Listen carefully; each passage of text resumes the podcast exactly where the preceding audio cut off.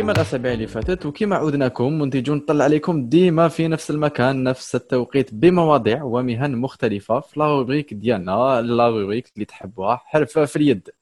معكم نهاد حماني وإدير حداب مهنة نهار اليوم ماشي كيما المهن اللي هضرنا عليهم المرات اللي فاتوا واللي كانت عندهم علاقة بال digital لكن هذه راهي تقليدية مية في المية. حلاقة الرجال أو كما نعرفوه بالاسم العام الحفاف وين في كل حومة أو عائلة نصيب واحد يمارس هذه المهنة. ماشي أي واحد يقدر يمارسها بإتقان؟ كاين مراحل لازم نجوزو عليها. oui وأول مرحلة هي أول يوم نروحوا فيه للتسجيل وين نديو شهادة ميلاد quatre photos شهادة طبية غاديو وشهادة مدرسية bien sûr تاع السنة الرابعة متوسط.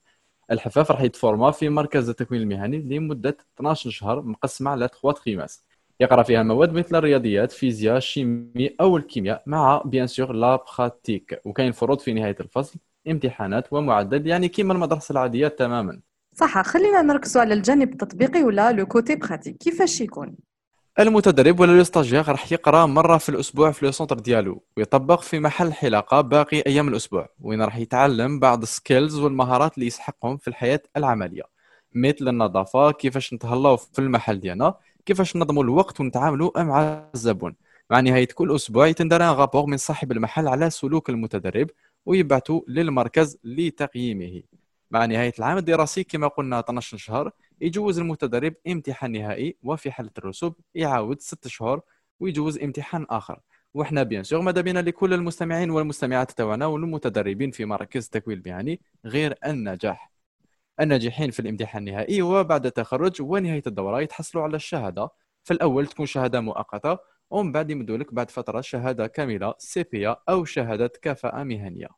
donc يدير pour le diplôme هذا c'est à peu près كيما le permis de conduire c'est ça oui oui هكذاك à peu près d'accord بعد ما تدي الدبلوم ديالك تقدر تخدم في صالات الحلاقة العامة أو الخاصة. كيما تقدر حتى تكون un travailleur indépendant يعني تخدم عند روحك. كيما رانا نشوفوا تالي في واد كنيس على سبيل المثال وين تقدر تقدم الخدمات ديالك. وإذا حبيت دير محل خاص بك ما عليك غير تدي الدبلوم ديالك لمركز الحرفيين للولاية اللي راك تابع ليها زائد أوراق مطلوبة منك. يمدوا لك une carte professionnelle اللي تخليك تفتح المحل ديالك.